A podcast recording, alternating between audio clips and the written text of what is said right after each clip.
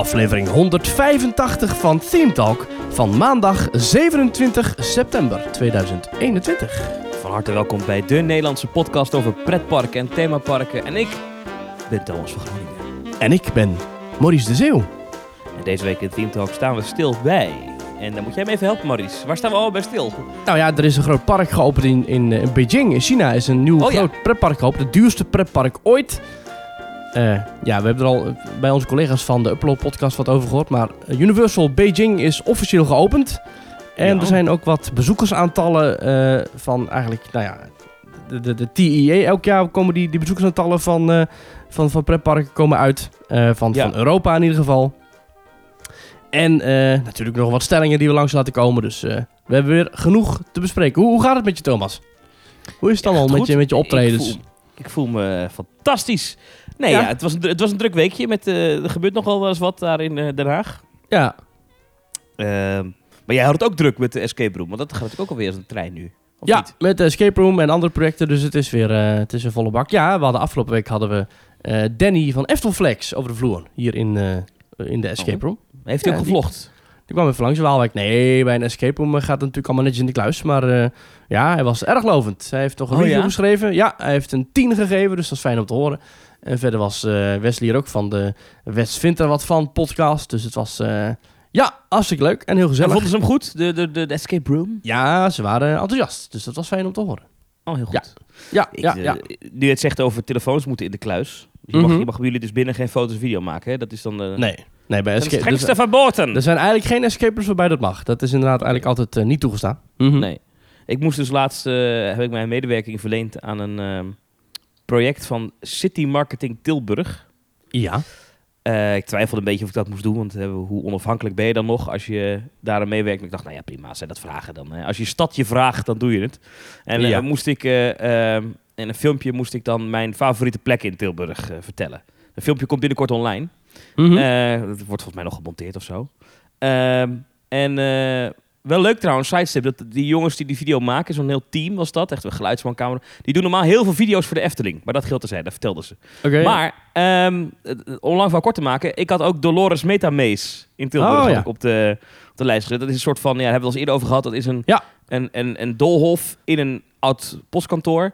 Eh, maar het is heel kunstzinnig en je komt in allerlei ruimtes en je gaat echt van, van thema naar thema. Het is heel bizar. Het is echt een, echt een, echt een immersive belevenis. Ehm, Ja. En dat had ik op mijn eh, lijstje staan. Dus we wilden daar ook eh, filmen. En dat hadden, hadden ze helemaal geregeld en zo. Zo'n producer had het helemaal bedacht dat we overal konden filmen. Maar toen Mhm. we daar dus kwamen, liep er heel de tijd liep er iemand van, van die Metamaze met ons mee. En in de video lijkt het net alsof ik, alsof ik eh, het, dol- het dolf inga. En ik kom Mhm. het ook weer uit. Maar je ziet dus geen beelden van de dolf zelf. Maar Mhm. dat is dus nep. Want we mochten dus echt niet met een camera in de buurt van de dolf komen. Dus we Ah, hebben, dat is helemaal fake. Ja. Ja, en dat snap ik ook wel. Want eigenlijk is het, als je bij een escape room of zo'n zo'n metamaze dat helemaal is gebaseerd op het feit dat je niet weet wat je gaat aantreffen, dat is natuurlijk het hele leuke eraan. Kijk, bij Ja. een pre- pretpark of zelfs een toneelvoorstelling of theater of zo, musical, weet je vaak nog wel ongeveer wat je te wachten staat. Maar bij een escape room of dat soort zaken moet je maar een beetje vertrouwen op wat de reviews zeggen. Hè? Dan heb je bijvoorbeeld een website Escape Talk en daar staan we dus met Illusion op plek 6 van de Benelux. Nou, daar Oh, zijn we heel goed. heel trots op. Ja, Ja. en- maar goed, je moet er maar, daar, er dan maar wel van uitgaan dat die, dat die reviews, en in ons geval zijn het er meer dan 100, maar dat die reviews wel allemaal een beetje eh, nou ja, de waarheid spreken. En op zo'n zo'n platform als Escape Talk kan dat altijd wel natuurlijk, hè, want ehm, daar moet je ook een heel account aan maken. Maar ja, je moet maar net, eh, je moet maar net geluk hebben dat het thema jou ligt en dat de puzzels je liggen en dat, eh, of bij zo'n Dolores, dat, dat je het niet te kunstzinnig vindt of zo. Ik, ik ben niet een Dolores geweest, dat lijkt me wel tof of zo, maar ook, juist omdat ik niet weet wat het is, ben ik aan de ene kant heel benieuwd om er naartoe te gaan, aan de andere kant ook een beetje huiverig of zo. Nee, je moet er wel even heen gaan. Wa- Wat, wat jij heel leuk gaat Ja. vinden aan die... eh, nou ben ik het weer aan het promoten. Ik heb geen aandelen, mensen. Maar eh, wat heel leuk is, is voordat je naar binnen gaat... wordt er een soort van verhaal verteld. En dan gaan ze je ook proberen uit te leggen... wat het is wat je gaat meemaken. En Ja. er zit een video eh, bij, die krijg je te zien. Die duurt iets van vijf minuten. Een soort van voorshow video. Mhm. Die is echt heel erg goed. Oké. Die is echt, maar ik meen het echt heel, heel, heel erg goed. Oké. Overigens gemaakt door jongens en meisjes... die dus ook dingetjes doen voor de Efteling. Maar dat geldt terzijde. Hmm. Eh, maar nee, echt heel erg goed. Maar Ja. daar ging het niet over. Het ging over, over het spoilen van, eh, van dingen die je dan daar binnen ziet. En dat je die dan dat je er niet gespoild wil worden. Want, want ben jij bijvoorbeeld... Oh ja. Ja. Nou ja, dinsdag gaat de nieuwe James Bond in première. Aha. En ik sprak dus afgelopen week een James Bond fan.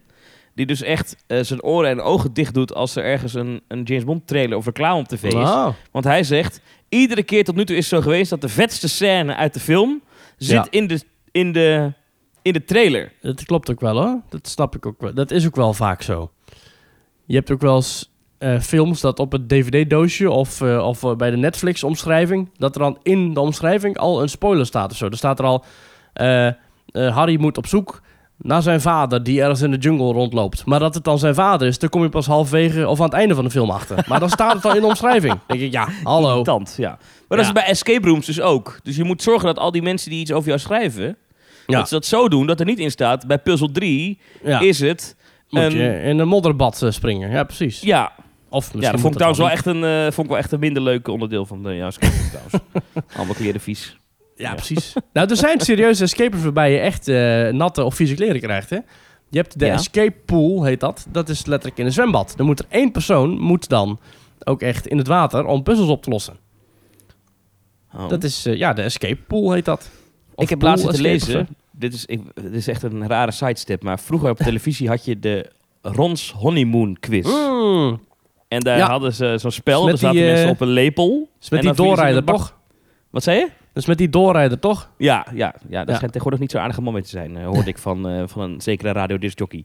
Maar eh daar had je een spel en daar zaten mensen op een lepel boven een enorm, enorme bak tomatensoep. Ja. Ken je dit of niet? Ja, zeker. en dan moesten ze vragen beantwoorden over elkaar. En als je dan het vraag fout had, dan, Ja. dan, dan klapte de lepel naar beneden en dan viel je in de soep. Ja, ja. En dan hoorde ik dus een verhaal, dat, dat, dat, die, dat is dus echte soep. Dat wist ik ook niet. Ik dacht, Serieus?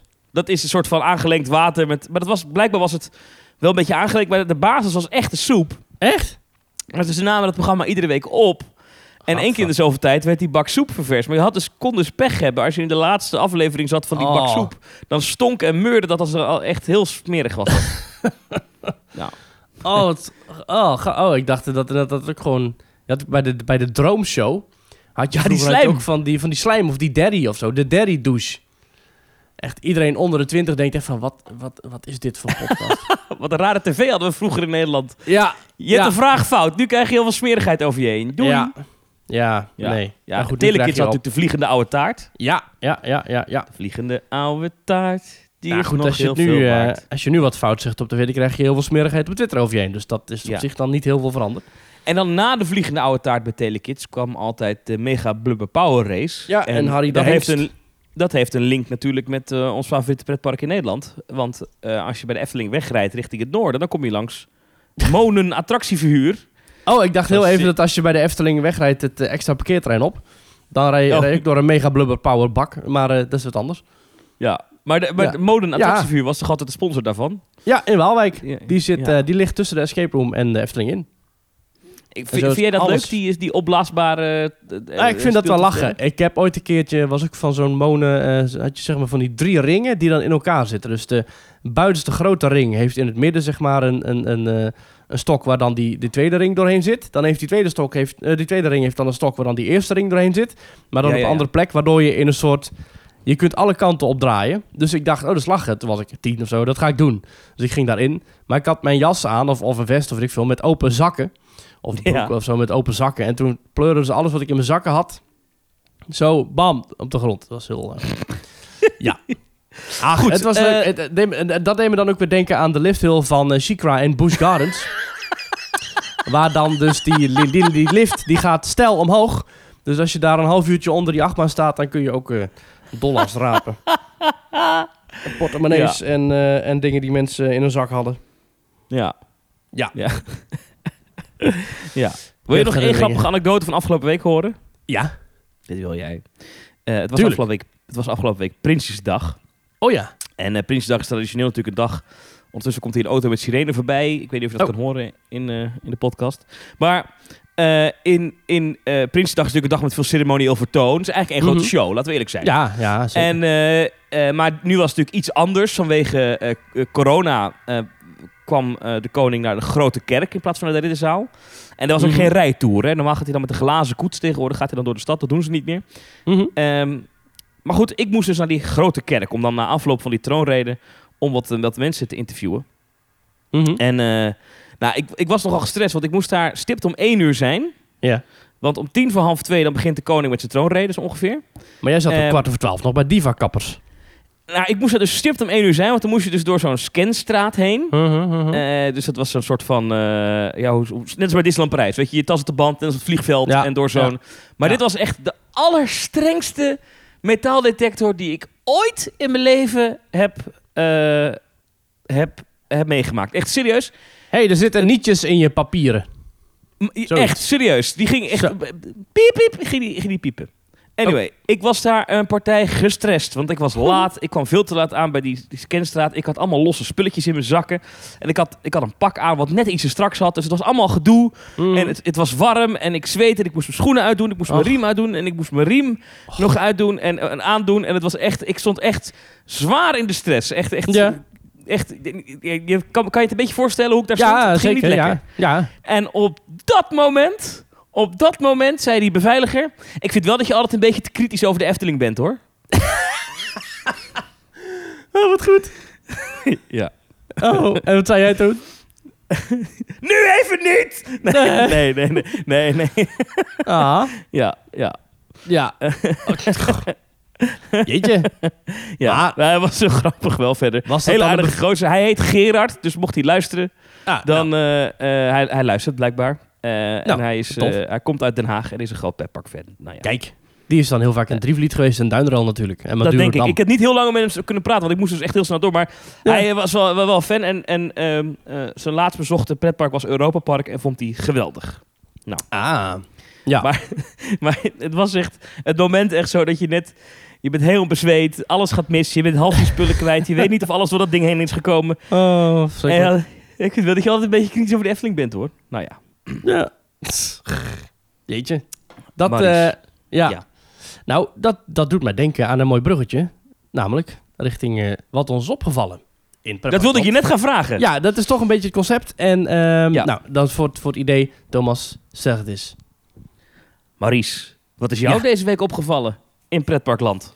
Nou, dan grijp ik toch eventjes terug naar mijn vakantie wederom in, eh, in Duitsland en Frankrijk. Eh, want die ga ik deze week voor de tweede helft behandelen. Ik ga het namelijk deze week hebben over Europa Park en Rolantica. En daar is me opgevallen dat bij iedere attractie, bij ieder park werd op een andere manier werd gecontroleerd. Europa Park is op deze trip de enige geweest die echt heel streng controleerde bij alles op de, op de QR-code. Dus ik weet niet hoe het ging voor niet-hotelgasten bij, eh, bij Europa Park. Maar ik weet wel dat als je daar... ehm, toen ze ons bandje zagen, toen was het pas, eh, pas goed. Dus, en dat bandje krijg je alleen maar op vertoon van een paspoort. Dus kijk, bij Movie Park was het echt een rij waar je gewoon een beetje langs kon lopen volgens mij. Heb ik dat niet gedaan, maar dat kon volgens mij wel. Daar letten ze niet echt goed op. Bij Tripsen was het in het, in het park zelf, bij de attracties. En bij Disney letten ze ook niet goed op of het paspoort wel klopte bij de QR-code. Maar bij Europa Park, in mijn beleving wel. Maar goed, het kan voor iedereen natuurlijk weer anders zijn. En het is overal natuurlijk een momentopname. Ja. Maar die check-app, die is alleen maar iets waard eigenlijk als je dat combineert met een identiteitsbewijs, zoals een paspoort of een rijbewijs. Want anders kan ik ook met de telefoon van eh, iemand rondlopen die is gevaccineerd, terwijl ik dat zelf niet zou zijn. Ik ben wel gevaccineerd, maar stel dat zou ik niet zijn, dan kan ik gewoon iemands telefoon meenemen. Ja. Thomas, dat te zeggen? Hoe kan dat? Ja, kijk, formeel moet het. Hè? Dus, dus de, de, Ja. de, de, de regeling is zo dat je moet de QR-code scannen. Dan krijg je een groen scherm en dan, moet je, dan krijg je wat persoonsgegevens. Die zijn wel geanonimiseerd. Dus je krijgt volgens mij een, een, een- de eerste letter van de voornaam, de eerste letter van Mhm. de achternaam. En dan of de geboortemaand of de geboortejaar of dag uit mijn hoofd. Een van die, nou goed, in ieder geval een combinatie van die gegevens krijg je. Niet iedere keer dezelfde. ah, oké. En eh daar, kun, daar moet je controleren met het identiteitsbewijs of dit daadwerkelijk die persoon is. Dat is de regel. Alleen, Ja. Dat is natuurlijk best wel een gehannes, laten we eerlijk zijn. Ja. Eh, en weet je wat het een beetje is, Maurice, met die coronapas? Tot de Mhm. afgelopen week was het in Ja. Nederland bij de horeca verplicht om een checkgesprek te voeren. En En, om en, en, en een- wat? En wat? een checkgesprek. En wat? er nooit eh, van gehoord. Hey, dan zat ze vragen, heeft u klachten, dit, het. Ja. En, en je moest om registratie vragen. Hè? Dus dat ze dan Ja. bij eventueel later, als iemand dat het zou hebben gehad... dan Nee, iedereen een berichtje sturen met... eh, dat deed ook niemand meer. En Ja. weet je, ik heb een beetje het gevoel dat ik met die het, ik, eh, ik heb het ook inderdaad twee keer gehad, een jaar geleden denk ik, en verder nooit meer.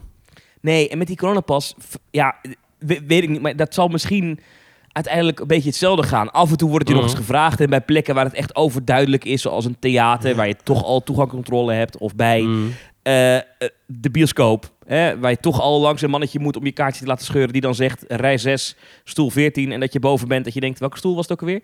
Ja. Dat, dat, dat, dat, dat heb ik altijd. Maar dat, Mhm. eh, dat heeft toch, dat, snap je, dat gaat toch uiteindelijk verwateren. Ja. De- de- denk ik. We- tenzij ze het echt zo streng controleren dat als je het één keer niet hebt gevraagd dat je tent dicht moet. Maar volgens mij gaan ze er in Nederland nog niet zo mee om. Dus eh, is Nee, alleen joh. als je echt voor, op voorhand roept, wij doen het niet, dan krijg je gedoe. Zoals nu een restaurant in Nijmegen, geloof ik, eh, Ja. eh, al heeft. Maar, dus, dus, maar ik snap wel, het is wel gek, want je kan in theorie dus gewoon de, de QR-code van iemand anders gebruiken, ja. Vrij Ja. makkelijk zelfs. ja, dat is dus inderdaad bijzonder. Maar, ik ben, maar goed. ik ben van de zomer naar, naar Portugal gevlogen. Mhm. En ehm, toen was om Portugal binnen te komen, moest je ook een vaccinatiebewijs laten zien. En Ja. eh, dat was alleen het laten zien van een QR-code was genoeg. Hij werd niet eens gescand. Nee, oké. Ja, nee. dus, oh, u heeft de eh, QR-code, ja, lopen door. U heeft ja. de QR-code, ja hoor. ja. Ja. Dus, dus weet je, zo makkelijk is het. Een ander punt, want mensen hebben ongetwijfeld mijn tweetjes erover gezien. Anders krijg ik daar weer gezeik over. mhm. Eh, kijk, wat ik wel gek vind, is dat alle theaters in Nederland moeten dit controleren. Behalve de drie theaters in de Efteling voor Ravelijn, de Sprookjesboomshow en Fabula. Die, daar, daar geldt het dan weer niet. Ehm, Nou, Ravelijn en Sprookjesboom zijn toch buiten? Of is dat niet? Maakt dat niet uit? ja, ook een buitentheater eh, moet in theorie eh, het wel doen. Mhm. Eh, en net als evenementen buiten ook gewoon eh, aan, aan die regel moeten voldoen. We hebben Mhm. ook gecheckt. eh, ik heb zelf nog gebeld, maar ook, ook de mensen van Loopings hebben nog gebeld. Met, met gewoon het team in Den Haag dat al die coronaregels communiceert. Hè, die dat dan uitwerken en dan sturen naar iedereen van hier moet je aan houden. Want jullie dachten, we gaan dat eens eventjes erbij naaien, dachten jullie. Nou, nee, gewoon vragen. Hoe zit dat? Want de Efteling zegt, joh, het hoeft niet bij dit theater. Wat best gek is, want bij alle theaters in Nederland moet het. Waarom dan Hm. daar niet? En zij waren er eigenlijk vrij duidelijk in. Nee, het moet wel. En nu hebben we dus de hele gekke situatie dat ze in Den Haag dus zeggen... je moet A doen, dus je moet bij Fabula, Ravelijn en het Sprookjesboomtheater... maar vooral Fabula, want daar, je kan nog over dat binnen en buiten kan je nog twisten. Daar zou je Mhm. nog... ehm, moet je het corona-toegangsbewijs vragen. Eh, maar de Efteling blijft volhouden. Het is niet zo. Eh, en ik heb het ook gecheckt bij de gemeente Loon op Zand. En daar kreeg ik een reactie van de burgemeester, Hanne van Aert... met de Efteling houdt zich uitstekend aan de coronaregels. Letterlijk Aha. citaat. Mhm. En het hoeft niet, want alles binnen het park is een attractie. Dus dan hoeft het niet. Maar het theater net buiten het park, dus het Efteling Theater, daar moet het wel. Bij Caro. Ja, Ja. Daar moet de Caro dus wel, ja. Ehm, en ja, als zo'n gemeente dat vindt, ja, dat, dan vindt zo'n gemeente dat. Maar het is wel gek, want het is dus niet zoals de regels eigenlijk zijn. Eh, dus Efteling krijgt hier een, een aardig voordeeltje van de gemeente. Mhm. En je ziet op andere plekken in Nederland, bijvoorbeeld bij Slagharen, eh, daar doen ze wel eh, bij de theaters in het park die, die check van die app. Dus ze zijn echt weer, weer, ja, laten we zeggen, weer gematst bij de Efteling dat ze dit niet hoeven te doen. En dat is Maar natuurlijk wel een beetje gek als honderden theaters in Nederland het wel moeten. En er zijn drie theaters in Nederland die het niet hoeven. en die liggen typisch weer in de Efteling. Maar goed. Maar eh, wie zijn schuld is dat dan? Is dat de schuld van, van de Efteling of van de gemeente of van Den Haag? Ja, ik weet niet wie zijn schuld het is, maar het is, in ieder geval heel, het is in ieder geval heel opmerkelijk. Er zijn wel meer plekken die ervan afwijken. Eh, het beste voorbeeld dat je nog kan geven is This is Holland. Hè, de Ja. vliegsimulator bioscoop. Is eigenlijk wel een bioscoop, toch? Een flying theater heet het. Een flying Ja. theater, ja. Nou, er zit, er zit nog een theater in de naam. Is in Amsterdam. Ook daar hoef je geen corona-toegangsbewijs eh, te laten zien. Dat is best gek, want je gaat dus naar een film kijken in een stoel die beweegt. Dan moet het dus niet bij hun. Maar ga je een paar kilometer Maar- naar bijvoorbeeld Pathé Arena... en je gaat naar de nieuwe James Bond vanaf komende week... dan moet je hem wel laten zien. Maar eh, bij, kijk, bij James Bond zit je 2,5 uur in zo'n stoel. Te kijken naar eh, een film waarvoor, waarover geen spoilers hebben. Maar bij This is Holland en bij Fabula zit je, nou wat is het, maximaal 10 minuten te kijken. Ja, dit is rond iets langer geloof ik, maar ja, klopt. Ja, ja.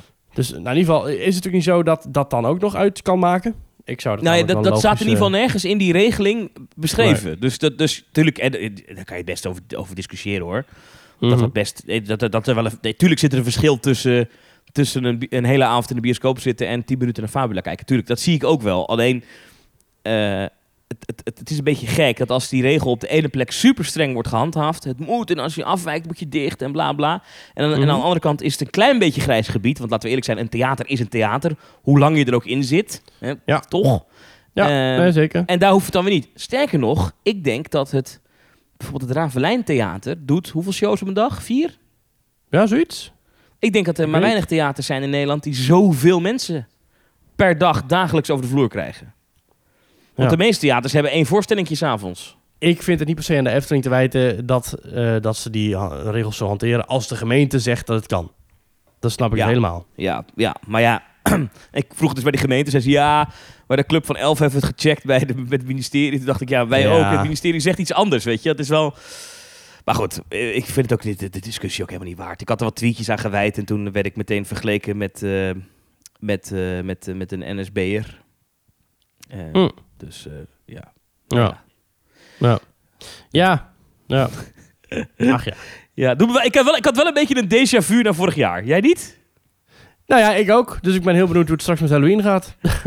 Nou ja, Halloween in principe, eh, ja toch? Met, eh, met, met, eh, oh, die, ook zonder check natuurlijk. Ja, want dat is gewoon... Ja, ja. De parken mogen gewoon eh, de boel opengooien.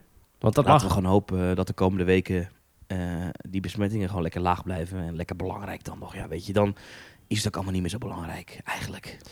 Waar hebben het over? Ja. Zo is het ook. Want dat is wel zo, waar hebben we het over? Nou ja, dat is jouw, Ja. eh, dat is jouw, eh, dat is jouw ding. Waar hebben we Het- het over? Ja, als de parken goed kunnen krijgen van hun plaatselijke overheid, dan eh, is dat wel goed zijn. Maar goed, genoeg over corona. Ehm, dat was wat jou was opgevallen, denk ik, of niet, Thomas? Dat was inderdaad wat mij was opgevallen, ja. Ja, precies. Ehm, over Twitter gesproken, waar je dus eh, af en toe dingen tweet als jezelf. We tweeten ook wel eens als Teamtalk dingen, namelijk op ons Twitter-account @teamtalknl. Daar kun je ons op volgen en dat is een eh, Twitter-account waar we nou eh, elke dag de meest random dingen over pretparken plaatsen. Soms ook een fotoserie van Kakiel en dat gaat dan over reviews van pretparken of zo. Ja, dat blijft hilarisch. Dus volg ons even op twitter.com slash teamtalknl. En Thomas, daar zetten wij ook elke week een stelling op. Oeh, is er stellingtijd? ja. Ja, en afgelopen zondag hadden wij een stelling over Fantasialand. Of ja, niet echt over Fantasialand. Het ging meer over een rechtszaak die was aangespannen door Fantasialand. Oh, met die BTW. in de uitzending. Precies. Dus de stelling was eigenlijk... Fantasialand heeft een rechtszaak aangespannen tegen de Duitse Belastingdienst. Daar moet de pretpark als luxe product verplicht 19% btw rekenen. Maar kermissen slechts 7%. In Nederland zitten pretparken in het lage tarief. Wat vind jij? Nou, daar hebben 416 mensen op gestemd. En eh, ik vind een opvallend hoog aantal mensen zegt, doe maar het hoge tarief, namelijk 22,8%. Dus meer dan 1 vijfde, bijna een kwart, die zegt, nee, doe maar hoog tarief. Eh, Nou, dat eh, kan. Eh 70,7% zegt allebei laag tarief, dus zowel pretparken als kermissen in het lage btw-tarief. Dan zegt 2,9% alleen de kermissen laag, zoals het nu is in Duitsland. En 3,6% zegt alleen de pretparken laag en dus de kermissen hoog. Eh, Ja. ja. ja. Nou, er zijn ook wat reacties op gekomen. Ehm, Tom Segers zegt van nou, als pretparkliefhebber zou ik graag zeggen laag tarief, maar een pretpark is geen essentieel product. Een hoog tarief zou logischer zijn. Hebben we verschil- BTW-tarieven? Mooi hoor, ja. ja, eh, een verschil tussen pretparken en kermissen vind ik dan weer helemaal niet logisch. Ja, Nee. dat snap ik ook wel. Ehm, wat ik een, een goede reden vond, eh, was van Eleanor. Die zegt, het zijn natuurlijk allebei luxe producten. Verschil is wel dat bij de kermis particulieren hun brood verdienen met één of twee attracties, terwijl pretparken grote bedrijven zijn. Dan zou je denken, nou, dat, daar zit wat in. Aan de andere kant, pretparken zijn vaak ook gewoon particuliere instanties. En ja, die zijn dan misschien wel wat groter, maar dan, dan staan dan alsnog attracties. En Rick zegt, ik denk dat het voor ons als gast niet uitmaakt. Mochten ze gelijk krijgen, dan ben ik benieuwd of dat verschil in mindering wordt gebracht op de prijzen. Of dat er een mooie verkapte prijsstijging is. En Rick, ik denk dat we allemaal wel weten wat het antwoord daarop is. Natuurlijk gaat de prijs dan niet omlaag. Lijkt mij zo. Of misschien ook wel. Nee, Lijkt me niet. Ja, ik vind, ehm, ik vind BTW sowieso een verschrikkelijk iets. Dus eh huppakee, lekker laag tarief. Lage belastingen, zo. Verschrikkelijk iets. Wat Ja. vind je er verschrikkelijk aan dan? Belastingen toegevoegde waarde. Alsof zeg maar, de overheid iets toevoegt aan het product dat jij of ik creëer. Dat doen ze niet. Dus Mhm. ja, waarom, waarom moet ik geld betalen als ik een dwel koop bij de blokker, zodat Amalia weer naar Exapata les kan? Wat mij betreft is BTW Ja, ja, ja. onzinnig iets. Ja. Omslachtige regeling moet je dat als ondernemer weer allemaal gaan zitten opgeven en zo. Ik, oh, vreselijk. Ja, ik zit even terug te zoeken, maar afgelopen week ehm, werd er ook gezegd. Oh ja. Het was eh Sylvana Simons van de politieke partij Bijeen. Die zei het afgelopen Ja. week tijdens de algemene politieke beschouwingen. Daar komt hij. Ehm eh, ze heeft dus over dat, eh, dat zij vindt dat het minimumloon omhoog moet naar 14 euro. Dat mensen dus meer moeten gaan verdienen. Toen zei ze, niet eenmalig, niet hier en daar is 100 euro erbij, maar gewoon ervoor zorgen dat mensen boodschappen kunnen doen. En dat ze, dat is ook heel erg belangrijk voor het welzijn van mensen, ook de ruimte hebben om eens naar het theater te gaan. Om een keer met de kinderen naar een pretpark te gaan. We zijn dat tegenwoordig als luxe gaan beschouwen, maar ik zie dat als een eerste levensbehoefte. Ik ben ontzettend benieuwd hoe de VVD daarover denkt, zei eh, Sylvana Simons. Mhm. Eh, en ze vroeg dat aan de Sophie Hermans van de VVD, maar die gaf niet echt een eh, antwoord op eh, de pretparkvraag. maar eh, mocht je dus eh, ook van mening zijn dat eh, pretparken een eerste levensbehoefte zijn, dan weet je bij wie je moet zijn. Hè? Ja. Ja, Vinden wij dan, ook natuurlijk in deze podcast. Ja, je hebt natuurlijk brood en spelen is natuurlijk een hele bekende uitspraak eh, daarover. Maar je, je moet, eh, ja, het, het hoort er wel bij. Het is, het is echt goed voor de, voor de geest. eh, ik denk dat ook wel, ja. Dat dat, denk is, ik dat, daar ben ik van overtuigd. Ja, ja, ja. Dat was de stelling, of niet? Dat was de stelling. Ja, Wat wordt de stelling komende week, week? Nou, dat gaat natuurlijk over het vaccinatiepaspoort. dat eh, ah, kan nee, even niet niet over corona hebben? Ik wil stoppen met corona. Ja, nee, ik ook. nee, nee, nee, maar iets ja, anders. Iets anders. Ja, hij staat, hij staat er online, dus ja, het is, het is, het is, het is, het is helaas niet anders. Nou, Oké. Laten we ervan uitgaan dat het allemaal goed komt. En Thomas, over een paar weken, maanden, hebben we gewoon dat hele vaccinatiepaspoort niet meer nodig. En dan heb jij wel gewoon lekker een rustige baan, dat je gewoon bij saaie politieke overleggen kunt zitten over kindertoeslag en eh, dat gedoe. Nou, En. BTW-tarieven. Maar eh, ik, ik heb wel wat anders nog even wat we even moeten bespreken. Namelijk een administratieve handeling. Petje.af Oh ja. slash themetalk. Dat is onze Ja. pagina waar je ons financieel kan steunen. Voor een klein bedrag per maand eh, steun je ons financieel. Je krijgt er af en toe wat bonuscontent voor terug. Een exclusieve podcast bijvoorbeeld. Die vind je daar op petje.af slash themetalk. We hebben Ja. drie nieuwe supports erbij. Kijk, super. Start de applausband zou ik zeggen. Mhm. Richard de Haan Dank u, dank u, Roy. dank u. en Ewan Slager. Eh, Dank u, dank u, dank u. Welkom bij de club. En eh, hartstikke fijn dat jullie eh, ons supporten. En jullie hebben daarna toegang tot onze Petje.af pagina. Met daarop eh, vorige week online gezet een extra aflevering waarin Thomas en ik een ronde maken door Fente Manor. En vooraf en achteraf ook commentaar geven. Maar tijdens de rit zijn we volledig stil. En er waren ook Ja. geen andere gasten bij ons. Dus je hoort in prachtig stereo geluid alle mooie nieuwe audio van Fente Manor tot je Ja. komen. Ik heb nieuw speelgoed gekocht de afgelopen week qua microfoons. Oh, moet het... Oh, Ik qua heb- microfoons. Oké, dan kunnen we het hierover hebben in de aflevering. Ja. Ik heb een Reude Wireless Go 2 gekocht. Reude is een, is een, eh, is een microfoonmerk, hè? Ja. En dit, is het, dit zijn dus twee kleine microfoontjes. Ik denk ongeveer net zo groot als, ehm, als een doosje tic-tac. Weet je, zo, ongeveer Oh. zo groot. Mhm. En er zit een speldje, dus die kan je op je, op je overhemd spelden. En er zit ook een windkapje op. En Ja? eh, jij kan zo'n microfoontje op je borst doen. Ik zo'n microfoontje. zijn er dus twee. En die gaan dan Ah. samen naar één ontvanger. Maar die neemt ook op. Dus als we dan Ah, een keer naar een fijn, gaan... En we doen allebei gewoon zo dingen op. Laten we gewoon dat ding heel de dag aanstaan. En aan het einde van de Ah. dag knippen we, knippen we gewoon terug. Eh, En hij neemt op in het microfoontje. Dus als de draadloze verbinding wegvalt, dan, dan is het nog niet erg. Je hebt het ontvangertje eigenlijk niet eens nodig. Eh, dat kan wel als je het aan een camera wil hangen of zo. Maar dat, dat doen we ook nooit. Maar, dan, en, en dan, maar wat ik vind namelijk met jou opnemen in een pretpark altijd heel leuk. Altijd leuk, hè? Ja. Maar, Maar ik schaam me dan- altijd een beetje. Ja, ik wil zeggen, jij staat dan met zo'n grote opneemmicrofoon waar we dan mee rondlopen. Dat vind je altijd heel erg ongemakkelijk. Ja, precies. Ja, om mensen toch kijken wat zijn zij aan het doen. En, en Ja. het, het trekt toch de aandacht of zo. En eh, ik, ik ben, je zou het niet zeggen, maar ik ben er toch een beetje verlegen. En dan vind ik dat Mhm. toch altijd, ik voel me dan altijd een beetje bezwaard of zo. Eh, en als wij dan gewoon allebei zo'n dingetje op, een borst, op onze borst spelden, dat ziet Mhm. niemand. Dat klinkt als een zonnetje.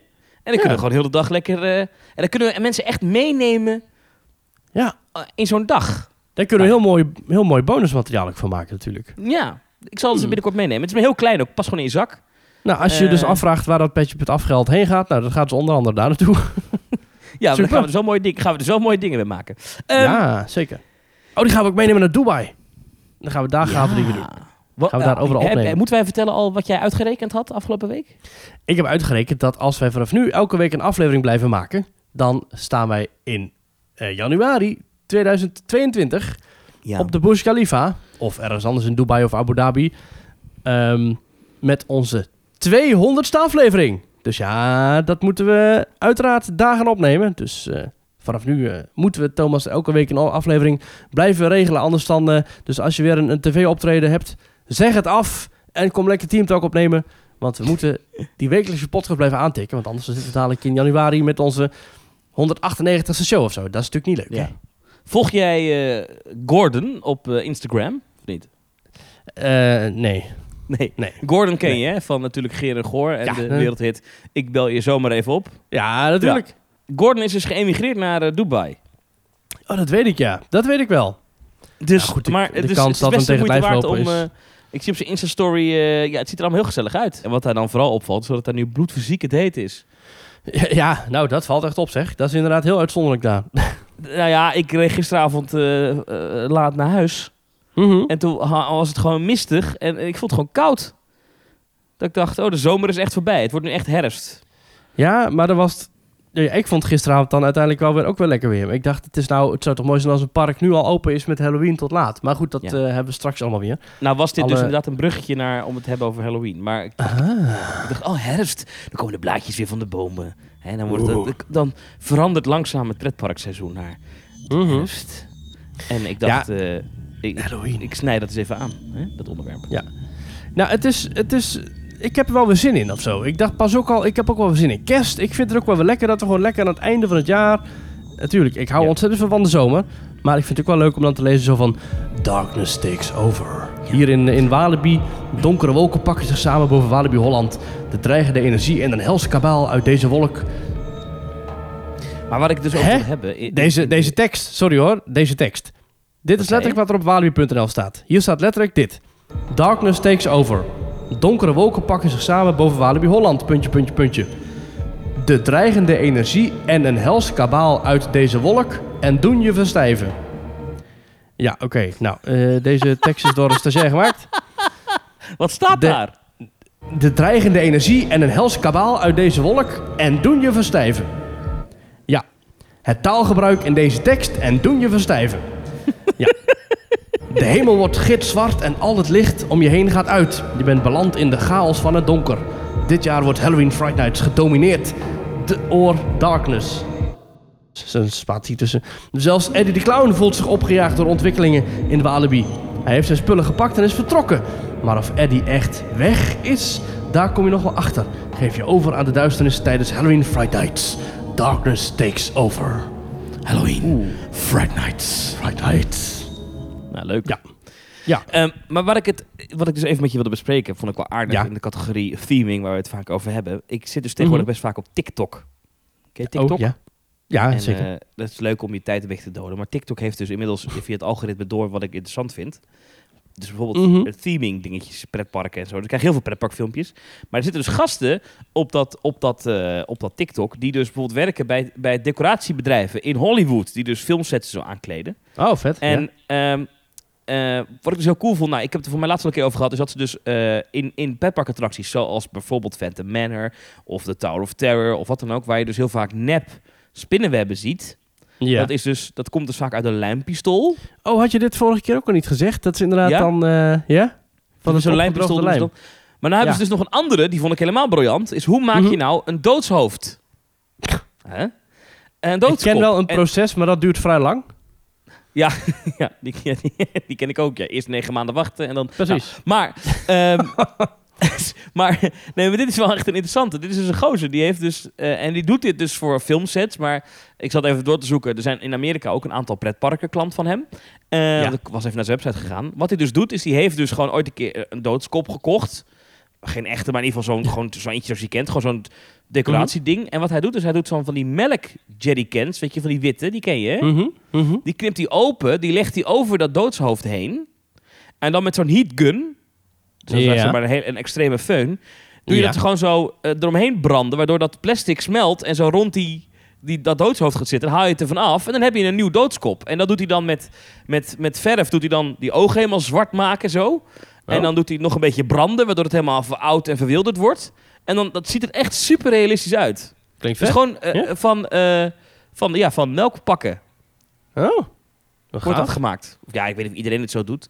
En eh, wat dan helemaal nog spectaculair is, is eh, als je dan een skelet hebt en je wilt het uit laten zien als echt een lijk, wat al een tijdje Ja, graag. het- wat er al een tijdje aan het wegrotten is, weet je, ja, dat is een Ja, beetje ja, dit. Mhm. Ehm, is dat je dan eh, van, dat, eh, van dat doorzichtige inpakplastic moet pakken. Weet je, waarmee je dus normaal een eh, cadeau inpakt. Of ja, ja, ja. Hè?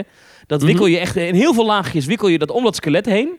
En dan met Ja. zo'n brander brand je dat ook weer aan, waardoor dat dus smelt en zwart wordt. En dat ziet er super realistisch uit. Dan is het net alsof zeg maar, het vlees nog van het bot af aan het, aan, aan het rotten is, zeg maar. Composterend lijk. Ja, Ja. en dat, dat is dan dus voor, voor echt die horror scènes is dat dus heel geschikt. Maar Ja. het, is super, het ziet er zo realistisch uit. Het is zo simpel. Je moet dus zo'n zo'n soort van professionele föhn hebben. Nou, die kan je gewoon kopen. Heat gun heet dat. Mhm. En, en, en heel veel eh, plastic. En dan kan je echt de meest gave dingen maken. Nou, ik zal het houden voor, eh, ja, voor Halloween, denk ik dan, hè. Voor in onze tuin. Leg ik gewoon een lijk neer. Ook, le- ook leuk. Ja. Dat is in Nederland niet echt een ding, hè? Dat je je huis versiert met Halloween. Nee, ik zat pas geleden zo'n stuk te kijken uit eh, The Office. Ja. En je hebt daar zo'n karakter uit, die heet Creed. En Creed is echt zo'n bedenkelijk eh, crimineel figuur die altijd wegkomt met van alles. Ja. En eh, was het Halloween en iedereen loopt daar dus rond in een pak van een clown of met een hondenpak of met een kostuum van een wesp of whatever. En die Creed die zit daar dus met een, een overhemd vol met bloedspatters. En iedereen zegt van, ja, is mooi hè, dat Halloween, super vet. En dan zegt hij, zit hij zo alleen in beeld, praat hij richting de camera. Oh ja, het is Halloween vandaag. Nou, dat komt goed uit. Oh ja, dat is een goeie. Ja, ja. mooi. Ja. Maar goed, Oh. Ja, Ha- Ha- Halloween in Nederland, ja, het komt er weer aan. Ehm, in Amerika zijn ze al, al wekenlang bezig met het vieren van de, de Mickey's Boo Bash of de Oogie Boogie Boo Bash en weet ik het wat. Maar in, Nederland gaan ook, we het. Universal, ja, uiteraard ook, uiteraard ook. Maar in Nederland ook, ja, ik ga even een paar dingen noemen. Eh, de meeste parken vieren het in de laatste week van oktober. Dus dat is vanaf eh, ja, 26 tot en met 31 eigenlijk. Dus dan kun je bij Dippy Doo terecht, bij Schateiland, bij Horrorbos, Valkenburg, eh, bij Hellendoorn.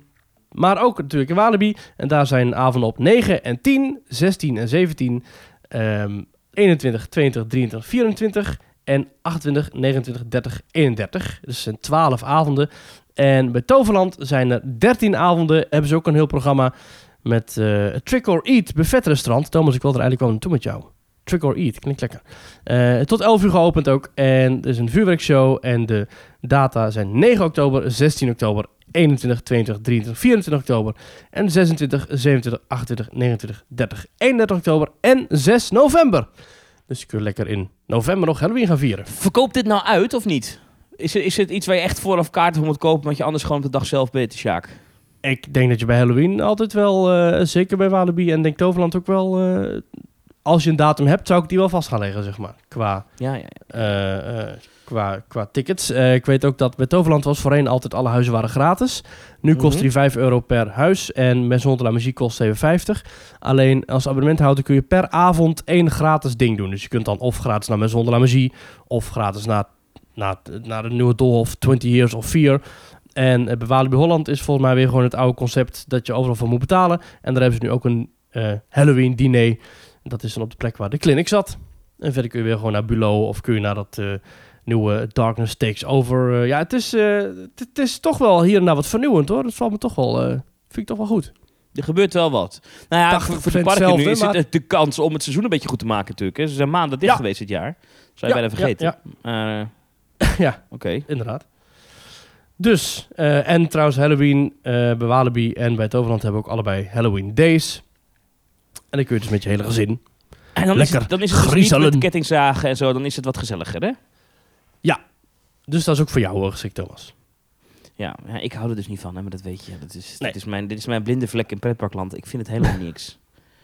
Ja. Ja, ik vind het jammer. Te doen. Ik zou het namelijk heel graag leuk willen vinden, maar... Ik heb dat, ik heb Ja. dat met, met Marvel. Ik zou dat ook heel graag leuk willen vinden.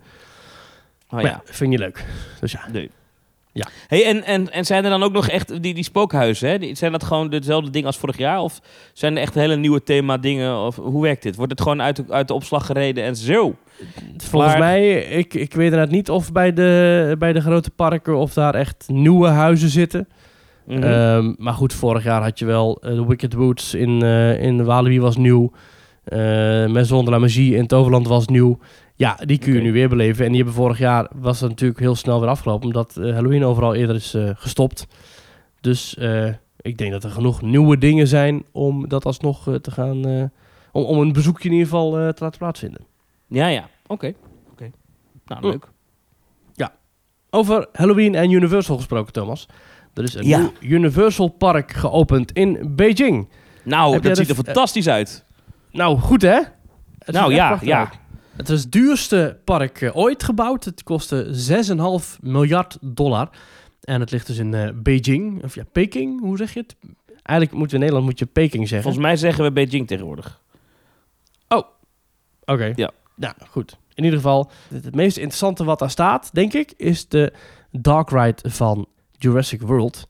En dat is ehm, een dark ride net zoals Transformers. Kun jij een beetje uitleggen wat de Transformers dark ride is? Tenminste, wat dat ritssysteem is. En dan ga ik zo meteen uitleggen hoe dat wordt gebruikt bij de Jurassic World Adventure Dark Ride. Is een bijzonder systeem is dat, hè? het een bijzonder systeem. Volgens mij is het niet trackless uit mijn hoofd. Nee, Eh, klopt, Volgens ja. mij volg je wel een spoor, maar het is een, het is een, je zit in een, in een, in een, in een karretje. Eh, ik geloof dat je met vier mensen naast elkaar zit uit mijn hoofd. En eh, die karretjes zijn zo gemaakt dat de rijen a- opvolgend steeds een klein beetje hoger zitten. Waardoor je dus een beetje over elkaar heen kan kijken. Een klein beetje, heel, heel licht hoor, maar het is een klein beetje een rijdende tribune. En Ja. eh, de zijkanten zijn eh, vrij dicht, dus je kan moeilijk naar de zijkant van je karretje kijken. Je wordt eigenlijk wel door de manier waarop het karretje is opgezet gedwongen om naar voren te kijken. En het Ja. is een, een, laten we zeggen, een motion simulator. Ehm, die wat lichte bewegingen kan maken eh, eh, met, met het karretje. En het karretje kan ook nog eens een keer spinnen op... eh, niet, niet als een achtbaan, maar gewoon spinnen, echt gemotoriseerd spinnen. Dus als het naar links Ja. moet, dan kan het naar links draaien. En het kan vrij snel bewegen. Dus het zijn echt best wel heftige bewegingen die het kan maken. En Mhm. je rijdt dan door een decor heen... waar sommige delen van het decor zijn vervangen door projectieschermen met 3D-projecties. En jouw karretje Ja. reageert op de bewegingen van die projectie. En dat is... Ja, ik vind, ik vind nog steeds Transformers... Ik weet dat heel veel mensen minder vinden dan, eh, dan de Spider-Man-attractie in eh, Universal. Maar ik vind die Transformers ride echt super vet. Ik vind het... Ja, Ja. protect the Allspark. Ik vind de Ja. sfeer in die wachtrij... Het is super simpel, want het is gewoon industrieel aangekleed. Vind ik vet. Ik vind de, de, de, de kwaliteit van de beelden is echt heel hoog. Dus het is, echt, het is, het is heel scherp. En ik vind het echt een hele vette attractie. Eh, Ja. En het vertelt echt een, in een paar minuten een, een, een, een, een, een, een verhaal van A tot Z. Met echt Ja. extreem veel actie. Er gebeurt zoveel. Ja, vind Ja, dat vet. kan ik, door het ritssysteem kan het ook. Inderdaad ook 12 mensen plaatsnemen. Dus het is inderdaad drie rijen van vier. En Ja. het, is, het, het gaat ook super snel achter elkaar door. Want die, eh, omdat dat ding zelf, inderdaad, je kunt maar één kant op kijken. Het is eigenlijk een soort Doom Buggy on steroids. Dus je kunt maar één kant op kijken. En dat ding dat draait weg. En de volgende car, die kan alweer eh, de, in de scène draaien. Dus Ja. inderdaad, eh, wat ze heel slim doen ook met die, eh, met die schermen, is je, je draait, zeg maar, eerst kijk je naar een stuk decor, dan draai je met een woes draai je naar het scherm, dan kijk je even naar het scherm en dan draai je weer weg.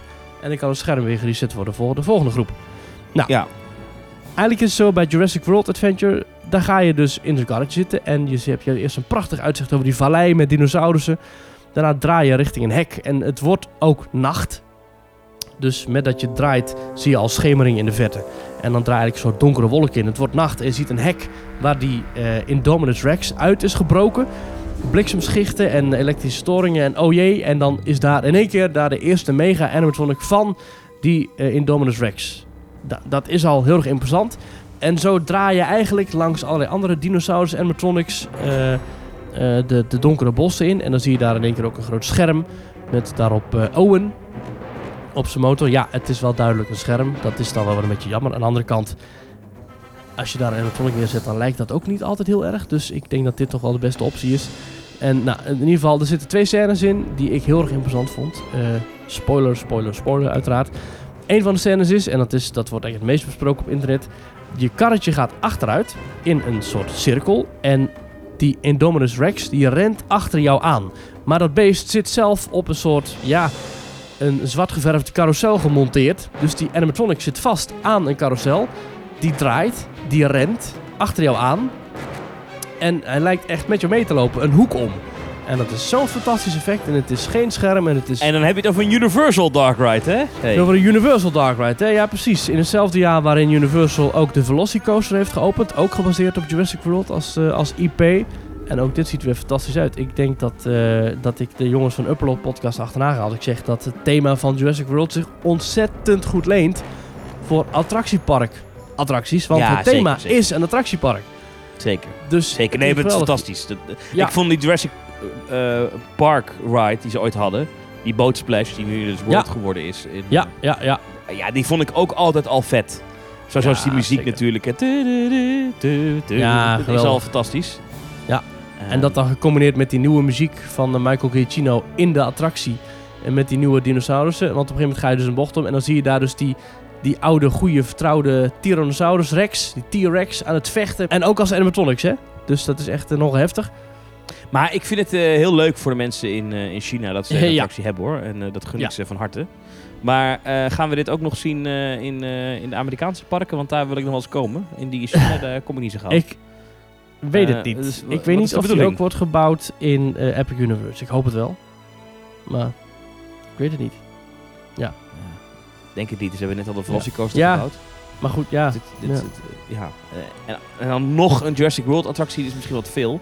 Het zou misschien in Californië kunnen, maar in Californië bouwen ze nu al aan de Nintendo. eh, eh, Ja, dat vind ik aan alle kanten echt tegenvallen. Plastic, eh, plastic bergen, ja, Ja? dat echt helemaal niks. Maar goed, ik heb er niks met die IP. Ik heb niks met Nintendo, met Mario. En ik vind Met Jurassic World Nintendo. heel gaaf. Een andere scène is eh, dat de Tyrannosaurus eh, Rex en de Indominus Rex met elkaar vechten. En dat draait dan weer met een whoosh, draait je eh, vehicle, je draait je karretje richting een scherm. Maar het is naadloos gedaan. En je kijkt dus zogenaamd door de ramen heen van de souvenirwinkel. Dat is heel grappig eh, bedacht. En dan met een, eh, met een flinke klap eh, zwaait die Tyrannosaurus Rex die, eh, die andere dinosaurus door een hek heen. En dat is dan weer een animatronic hoofd. Dus dat is dan weer perfect op elkaar afgestemd. Echt, eh, ja, prachtig. Maar Thomas, je moet gewoon een keertje naar China. En je moet gewoon een keertje naar Japan en Hongkong. Je, waarom? Dat is toch niet onbereikbaar voor jou? Dat is toch fantastisch? Je wilt toch ook naar, Hong je wilt toch ook naar Mystic Manor? Nee, nee.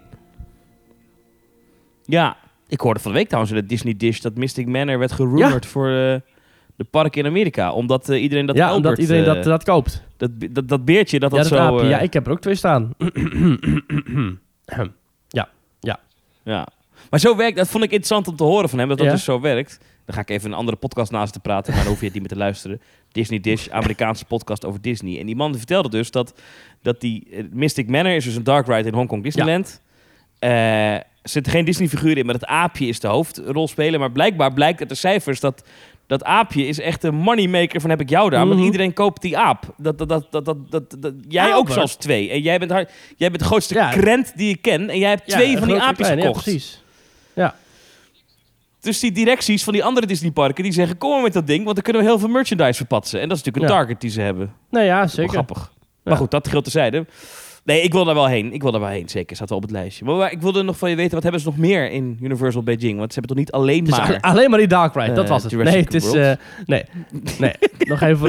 Ja. Welkom, we hebben één attractie. Ja, 100 dollar alstublieft. het is, eh, het is, ik heb er even de pagina bij gepakt. Het is 53 hectare groot en het is op 20 september dus officieel geopend. Er zitten verschillende themagedeeltes in. Ja, natuurlijk hebben we weer het Harry Potter gedeelte, Thomas. Je kent het.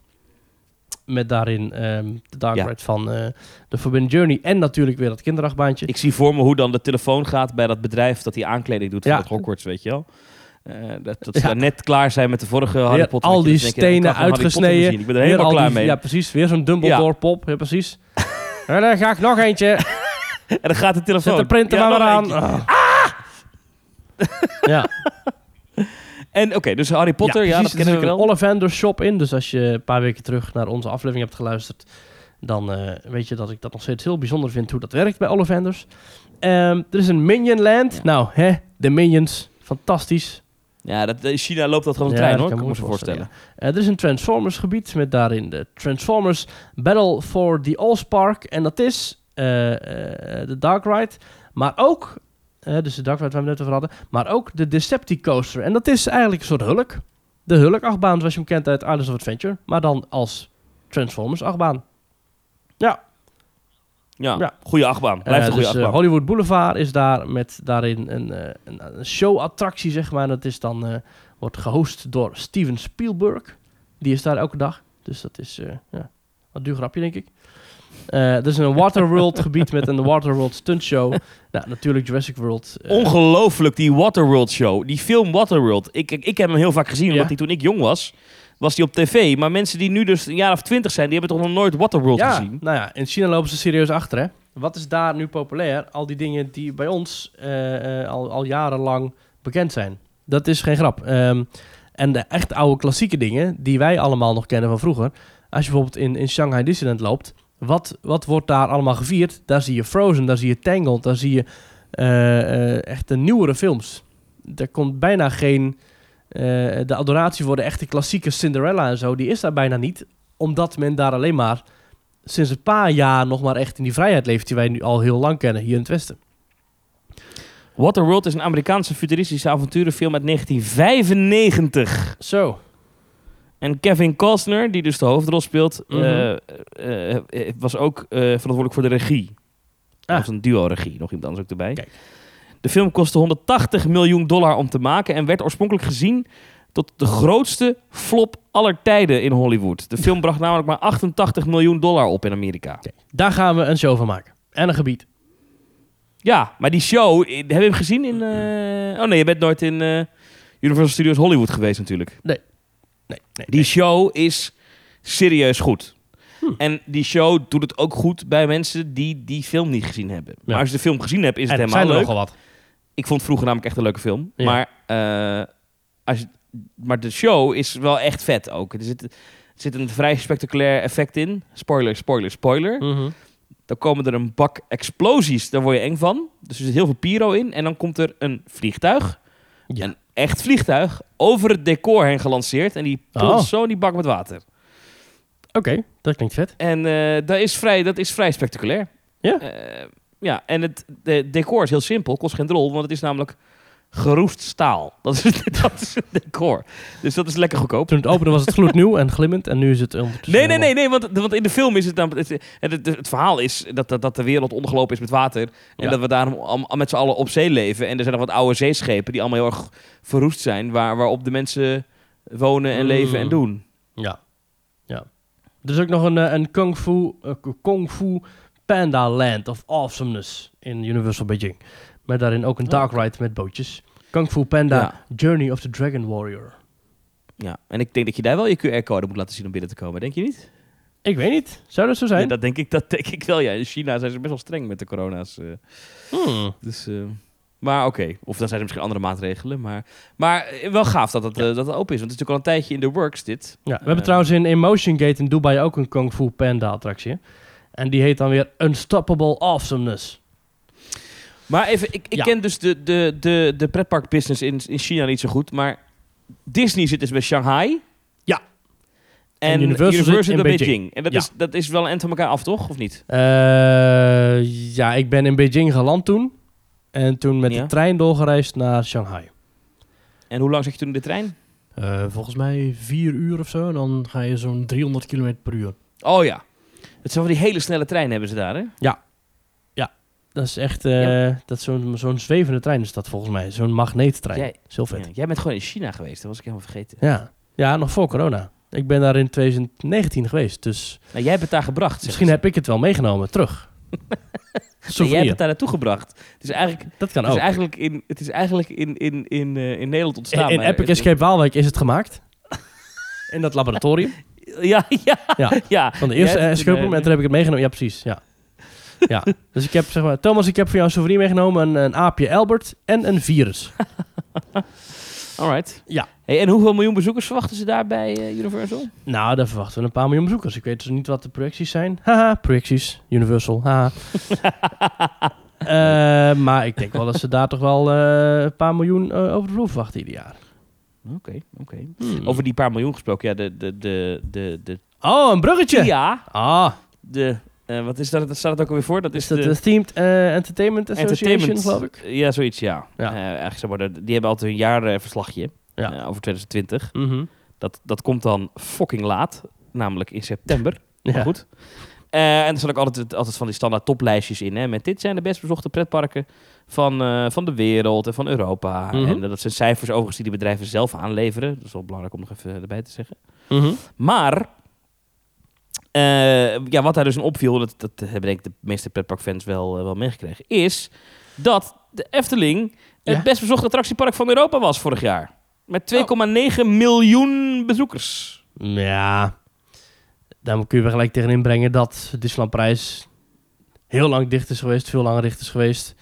Ehm, Ah ja, wat vooral interessant is, dat het, het, het procentuele verandering die, die, die ze laten zien. Dus hoeveel, Ja, bezoekers eh, zijn de parken verloren. Dan valt op dat het Disneyland Park in Disneyland Parijs 73,1% minder bezoekers had in coronajaar 2020 ten opzichte van het normale jaar ja, maar 2019. goed, hoeveel dagen zijn die normaal gesproken open in een jaar en hoeveel dagen zijn die nu dicht geweest? Die zijn meer dan 100 dagen Nee, dicht dat is ook zo. Ja. Dat is ook zo. Eh, dan heb je Europa Park, 56 eh, en een half procent eraf. Zo. Eh Walt Disney Studios ook 73% eraf. Hm. Eh, Tivoli 64% eraf. Dat Walt Disney Studios dan Portaventura. gewoon maar 10% s- s- eh, daling heeft, weet je wel? Dat zou dan helemaal mooi zijn. Dat gewoon... Ja, dat zou gek zijn. Ja. Ja. Ja. PortAventura 81,3% verlies. En wat opvalt is dat de Efteling van alle parken in Europa, in ieder geval van de top eh, 16 parken, zoals ik ze hier heb, Mhm. Ehm, heeft de Efteling de minste daling. Dus die hebben, die hebben het minste aantal bezoekers procentueel gezien eh, verloren eh, ten opzichte van andere parken. 44,9% bezoekers minder. Mhm. Van 5,2 miljoen naar 2,9 miljoen bezoekers in 2020. ja, en daarmee eh, dus boven de andere parken van Europa. ja, ja, jij begon gelijk weer het stijgeren natuurlijk toen je het zag, of, of niet? Nou nee, het, het, het bevestigde wel wat we vorig jaar natuurlijk dachten. Dat ja, weet je, ja, tuurlijk eh, zijn er minder bezoekers gekomen. Tuurlijk hebben ze wel daadwerkelijk eh, minder mensen binnengelaten. Maar ja, je ziet wel dat, dat eh, ja, van al die grote parken in Europa zijn natuurlijk Mhm. wel eh, de minste daling hebben gehad. En dat, dat zal er ook mee te maken hebben gehad. Omdat ze toch gewoon op sommige dagen heel veel mensen binnenlieten. En, en het de meest, meest in het oog springende anekdote dan natuurlijk is dat we in december in Nederland in lockdown gingen. En dat was op 15 december hè, met die speech van Rutte in Mhm. het torentje. En een aantal dagen daarvoor was in de Efteling nog een bedrijfsevenement... waarvoor minimaal 12.000 kaarten waren verkocht. En dan kwamen de reguliere bezoekers van het park nog bovenop. Nou ja, da- dan zie je wel hoe, ja, hoe die verhoudingen toen lagen. De Efteling liet heel veel mensen binnen en de rest van Nederland mocht niks. Ja, en dat, dat, je ziet het nu ook een beetje terug in deze cijfers... dat ze dan toch het relatief gezien ten opzichte van de rest van die branche... het veel beter gedaan hebben. Ja. Maar goed, dat is voor jou dan weer een reden om de Efteling af te... Of, of, of, of dat niet? Nee, Of- helemaal niet. Nee, helemaal, nee, dat denken mensen altijd. Maar ja, dat, valt dat denk mee. ik Nee, maar- inderdaad ook, maar dat is niet... Oké, nee, heel goed, heel goed. Nee, maar, ja, maar- mag nee dat, ik, dat, dat, ik, ik zit hier niet om ze af te zeiken, maar ik vind het wel relevant om soms even, eh, toch even te benoemen hoe, hoe, hoe krom dat dan is. Het is, Ja. ik, bedoel, ik vind het niet erg, maar het is, wel, nee, het is krom. Het is, het is krom. Ja. En eh, nou ja, goed. Ja. Eh, dit jaar, ik Want- denk ik- dit jaar zijn ze langer dicht geweest dan vorig jaar volgens mij, hè? Weet ik niet. Ja, dat moet als wel, want dit jaar gingen ze in mei open. Ehm, ja, ze zijn dit jaar veel meer dagen dicht geweest dan vorig jaar. Hmm. Dus, eh, dus in theorie zou dit jaar misschien wel zo... Nou ja, maar dit jaar natuurlijk nu het najaar hebben ze die beperkingen niet meer. De anderhalf meter is af. Dus ik, ja, misschien dat het elkaar opheft dat ze dit jaar weer zo rond die 2,9, 3 miljoen uitkomen. Eh, ik zie trouwens ook de cijfers van Europa Park staan. Die hebben 2,5 miljoen bezoekers over de vloer gehad. Ehm, daar zat ik vorig jaar niet bij. Jij wel, Ik Thomas. Jij bent vorig Ja. jaar naar eh Europa Park geweest, Rolantica. En dat heb ik eh, dit jaar ook gedaan. Eh, ik zat er twee weken geleden. Ehm, ja, het is fantastisch. Ik, eh, Europa Park, we blijven het zeggen. Het is de tweede helft, eh, eigenlijk eh, het middenstuk van mijn vakantie geweest. Eh, we sliepen in het hotel Kronazaar. Het is een fantastisch hotel. Het is het, eh, het eigenlijk een, een museumhotel heet. Dan denk je, oh jee, dat is heel saai. Absoluut niet. Het is prachtig ingericht. Het is heel erg nautisch. Dus eigenlijk zoals je bij Balrock ook verwacht. Dus heel veel met schepen en touwen en dat soort dingen. Maar dan is het hier wat chiquer. En het is een prachtig ingericht hotel.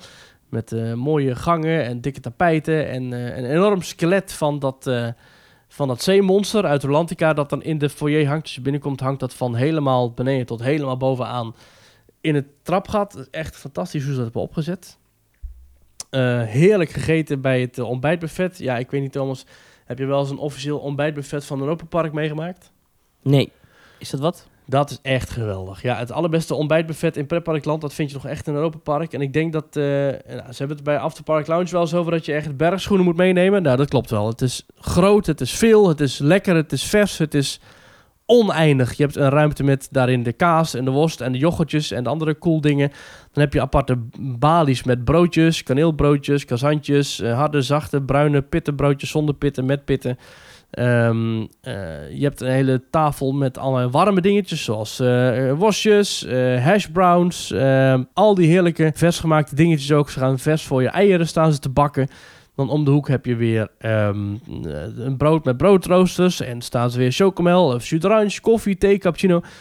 Dat ontbijtbuffet is alleen maar een voorproefje van wat je zeg maar de rest van de dag in Europa Park en de rest van het resort nog gaat meemaken aan fantastische horeca. Het is echt, in Europa is Europa Park daarin echt een, eh, een op eenzame hoogte staand eh, resort. Zeker qua grootte en qua aanbod.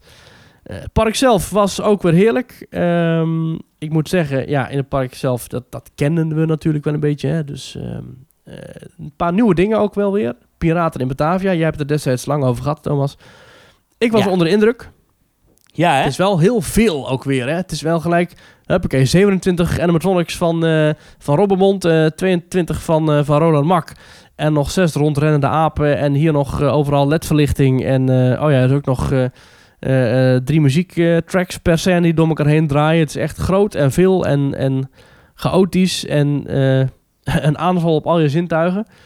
Maar ook wel weer gaaf. En heel knap dat ze dit dus kunnen hebben herbouwen. Want het was gewoon helemaal leeg. Alles was weg. Het was gewoon een kaal geslagen veld. Ja. Dus ik was erg onder de indruk van dat ze dit zo snel hebben kunnen opbouwen. Piraten in Batavia, heel mooi gemaakt. Eh, ik denk dat ik Mouse au Chocolat nog wel de beste dark ride van Duitsland vind, als je dat zo kan noemen, een dark ride. Maar dan is Piraten? Batavia... Ik vind Piraten Batavia is echt een cacophonie van allemaal dingen bij elkaar. Ik mis heel erg de subtiele dingetjes. Ik mis daar heel erg rustmomenten. En ik merk dat ik dat bij Fata Morgana bijvoorbeeld, daar vaar je een mooie, prachtige jungle binnen. Die bouwt heel mooi op. Dan heb je daar de hoofdscènes en dan bouw je weer heel langzaam af met de jungle. Als je naar Pirates of the Caribbean kijkt in Disneyland Parijs, dan heb je gewoon heel mooi eh, die, die rustige scène met de, met de waar je doorheen vaart, met die vuurvliegjes. Dan de leefstil en dan komt het leven en dan bouwt het weer heel mooi af. En eigenlijk is Piraten Batavia vanaf het moment dat je de wachtrij binnenkomt, piraten, gejoel en gezang en projecties en knipperende lampen en luikjes en deurtjes die open vliegen en papegaaien die heen en weer rennen en, en trappen en animatronics en dan, dan zit je nog niet eens in je boot. Dus de wachtrij is al echt een, echt een overvloed aan details en een stortvloed aan, aan indrukken, wat heel gaaf is, maar ik denk dat de balans een beetje zoek is en ehm, dat maakt voor mij een goede ervaring goed, namelijk als het mooi is uitgebalanceerd. En dat is bij Piraten in Batavia aan de mindere kant. Aan de andere kant, dat is natuurlijk alweer hoe je Europa kent, hè? Europa Park Ja, is veel, ja. het is groot, Ja, maar, het is niet per se maar punt was meer een beetje dat je... Dat je Oké, ik snap deze kritiek. Dat is nou, eh, dit- inderdaad. Ja. Die attractie mist dat, maar Mouse au chocolat. Maar die vind ik qua opbouw dus heel goed. Dat is, qua wachtrij is dat een verlaten wachtrij. Dus je bent eh, eigenlijk in je eentje ga je de bakkerij door met heel veel details die te ontdekken zijn. Maar het is niet dat je daar aan 16 kanten eh, wordt bestookt met muziek en projecties en poppen en, eh, en noem het maar op. En dat kan hè, dat is een keuze die je kunt maken als park. Maar ik, ik waardeer het wel heel erg als de echte actie pas in de attractie komt. En niet dat er eigenlijk al twee voorshows, drie voorshows zitten uitgesmeerd in één wachtrij. En dat, dat heb ik bij Piraten Batavia wel echt eh, ervaren. Maar Ik goed, die scène met die, die, die Aziatische haven... Hè? ja, Die, die, eh, die is heel groot, hè? Dat is een enorme ja scène. alles, Man. alles is heel groot en veel. Maar goed, mhm. Eh, Dat vind ik wel echt, vond ik wel echt indrukwekkend. Dat ik dacht, zo, Ja. dat hebben ze wel echt... Ik vond het echt mooi. zeker, zeker. Maar inderdaad, ja, dat die, er zitten sommige dingen in en ik denk dat ze weer heel kitsch. Dat gaat weer te ver. Ik vond overigens wel de pop van Roland Mak hilarisch. Geweldig dat ze gewoon de animatronic bouwen van de directeur. Dat is gewoon heerlijk. Of ja, van de, van de vader van de directeur dan. Die dan ook nog knipoogt naaien. Ja, en die dan ook nog een, een, een, een, een illusie vast heeft met een glazen bol. Dan doet hij zeg maar een hoedje doet hij eraf. En dan zie je een soort visioen in de glazen bol. Dan doet hij het hoedje eroverheen. En dan haalt hij het weg en is het visioen weer weg. En zo gaat het door. Ongelooflijk. Ik, eh, ik vond het top. En verder ook genoten van natuurlijk weer ehm, de achtbanen. Ik heb genoten van eh, het virtuele wachttijdsysteem. Werkt natuurlijk heel goed. Nog even tussendoor. Als je de app Ja. downloadt, dan kun je... ehm, als je in het park bent, kun je dus heel duidelijk aangeven... Goh, ik wil nu naar Bluefire. En als daar dan toevallig een plekje vrij is, dan heb je 20 minuten geloof ik om, daar, eh, om daarin te zitten. Dus zeg maar 10 minuten en dan 5 minuten voor en 5 minuten na. Dus een vrij klein time window, maar zeker wel, zeker wel handig. Omdat je daarmee toch makkelijk zo 40, 50, 60 minuten aan wachttijd eh, uitspaart. Volutarium weer heerlijk van genoten. Ehm, wat ook nieuw is in het Rolantica en Europa Park Resort, dat is eh Yulby. En dat is een VR-experience. Mhm. Dat was half heel gaaf en de andere helft ontzettend tegenvallen. Eh, eerst hebben wij de Yulby Pro gedaan. Dat is 30 minuten en dan zit je in Mission to Rulantica. En daarin heb je een, uiteraard een VR-bril op hè, met je team. En je ziet je teamgenoten ook. En dan ga je eigenlijk eh, begeleid door dat vliegende robotje uit de wachtrij van het Volutarium... ga je naar de geschiedenis van Rulantica. En daar moet je wat opdrachten oplossen. En je loopt door een grottenstelsel en je zweeft door de lucht. En je, bent, eh, je hangt boven een ravijn. En eh, allemaal heel gaaf gedaan. En het lijkt ook echt heel erg echt. En ehm, je moet bijvoorbeeld op een gegeven moment, kleine spoiler, moet je de vuurtoren van Belrock moet je pakken. Ehm eentje, één persoon wordt helemaal uitvergroot eh, en wordt dan weer heel klein gemaakt. En je hebt dus heel leuk spelen ze met je waarneming en je zintuigen. En je wordt echt een paar keer dat je echt even op het verkeerde been wordt. Je denkt van wow, ik sta hier op een bewegend platform. Of wow, ik ga nu echt, ik hang nu echt eh, aan, een, aan een hangbrug. Maar je weet dat dat niet zo is. Maar toch voelt dat echt zo. Ze hebben ze goed gedaan. Ehm, en daarna heb je natuurlijk alles goed gered. En eindig je weer in Kronazar. Dus dat hebben ze heel gaaf gedaan. Die, die storytelling door het hele park, door het hele resort heen is echt goed. Dus het verhaal van Rolantica en eh, piraten in Batavia en Kronazar, dat is allemaal verweven in elkaar. hebben ze goed, eh, goed aangepakt. Ehm, dan heb je ook nog de You'll Be Go. En dat duurt nou 10 minuten. En dat viel echt ontzettend Mhm. tegen. Daar betalen mensen 12 euro voor. En dan sta je dus, word je in een gymzaal neergezet. En zo'n medewerker zet je een helm op, zegt hij... Je moet op, op, op dingen schieten. En dan doet hij een helm op, doet de deur dicht. En dan sta je daar. En dan denk je, oké, wat nu? Eerst moet je een deur ingooien met een, met, een, met een steen of zo. Dat lukt al echt al niet. Ik heb echt daar een minuut lang staan. Dan handen ze met dat ding om, dat, om die steen tegen de deur aan te gooien. Nou, uiteindelijk werkte dat. Pakte hij dat eindelijk. Toen stond ik op een soort ruimteplatform. Met in de verte allemaal vliegende groene emmers. Die moest je dan kapot schieten. Nou, had je dat gedaan. Dan moest je daarna weer andere dingen kapot schieten. Maar het, er zat helemaal geen progressie in. Je stond in je eentje een beetje dingen kapot te schieten. En toen had ik nog op een gegeven moment 30 seconden om dan het, de missie af te maken. Maar ik wist niet hoe dat moest. Ik stond daar. Ik dacht, hè? Hè? En toen was het 10 minuten waren voorbij. Toen deed ik mijn helm af. En toen stond die man daar weer. Zo, afgelopen. Ik zei, eh, eh, eh, en nu dan? Mis ik iets? Ja, nee, ja, je had nog hierin moeten lopen. En had je... Nou, het was ontzettend vaag en slecht. En toen zei hij nog van, nou ja, ik vond deze wel een beetje tegenvallen. En toen kwam er zo'n manager aan, die stond daar. Die zei, ja, die is ook scheisse. Die je hebt gedaan. Ik dacht, wat? Die manager, Hè? die, die manager die zegt gewoon hardop dat wat je net hebt gedaan... Ja, dat is ook slecht. Dat is ook een slechte versie. Ze zeiden van, nou, sorry, maar dan moet je dat toch niet... Dan moet je dat niet Ja, wel, verkopen. eer- eerlijkheid mag ook beloond worden. Ja, dan moet je dat toch niet verkopen. Dan moet je dat toch niet aanbieden aan de gasten. Dan moet je dat toch afraden. ja, ze zeiden, nee, we mogen dat niet afraden van de directie. Dat mogen we niet doen. Nou, echt waardeloos. Dus alsjeblieft, geef je geld niet uit aan de You'll Be eh, Go-versie. Als je dat wil gaan doen, geef dan twee tientjes meer uit aan de You'll Be Pro-versie. Dat is serieus vet. Maar ik moet zeggen dat die vreselijke medewerker, echt zo'n zo'n hoog van de toren blazende beveiliger, leek het er meer op. Maar goed, waarschijnlijk was dat de manager. Die, eh, die heeft echt onze ervaring bij Julbi echt flink verpest. Ik, eh, ik zou Julbi dan ook niet aanraden nu. Het is, je hebt genoeg te doen en te zien en te drinken en te eten. In, eh, dus je komt je tijd echt wel door in Europa Park. Ik zou niet nog eens... nou ja, je bent toch zeker... Het is naast de Coronazaar, dus je moet er met de bus ook op en neer naartoe. Dus dat is al zeker Mhm. twee keer een kwartier.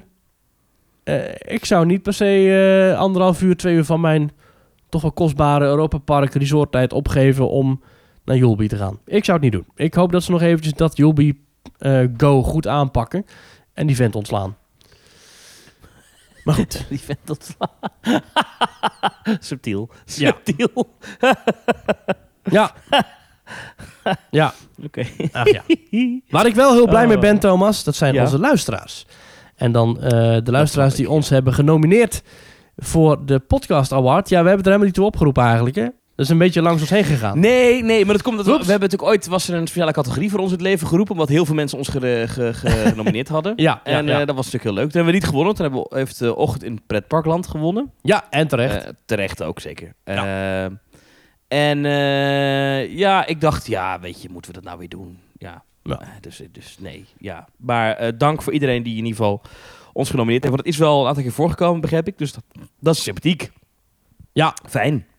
Eh, dat waarderen we. Zeer. Ja, Dus dank. En het laat maar zien dat, eh, dat, dat ik, ik zou het wel grappig vinden als ze wederom een pretpark podcast eh, eh, categorie indelen. Maar goed, gaan ze nooit doen. Nee, en het is ook dat... dat eh, er zit ook geen... ehm, eh, bij, bij de nominatie al bekend namelijk. Er zit geen, eh geen Peppa podcast bij. Nee.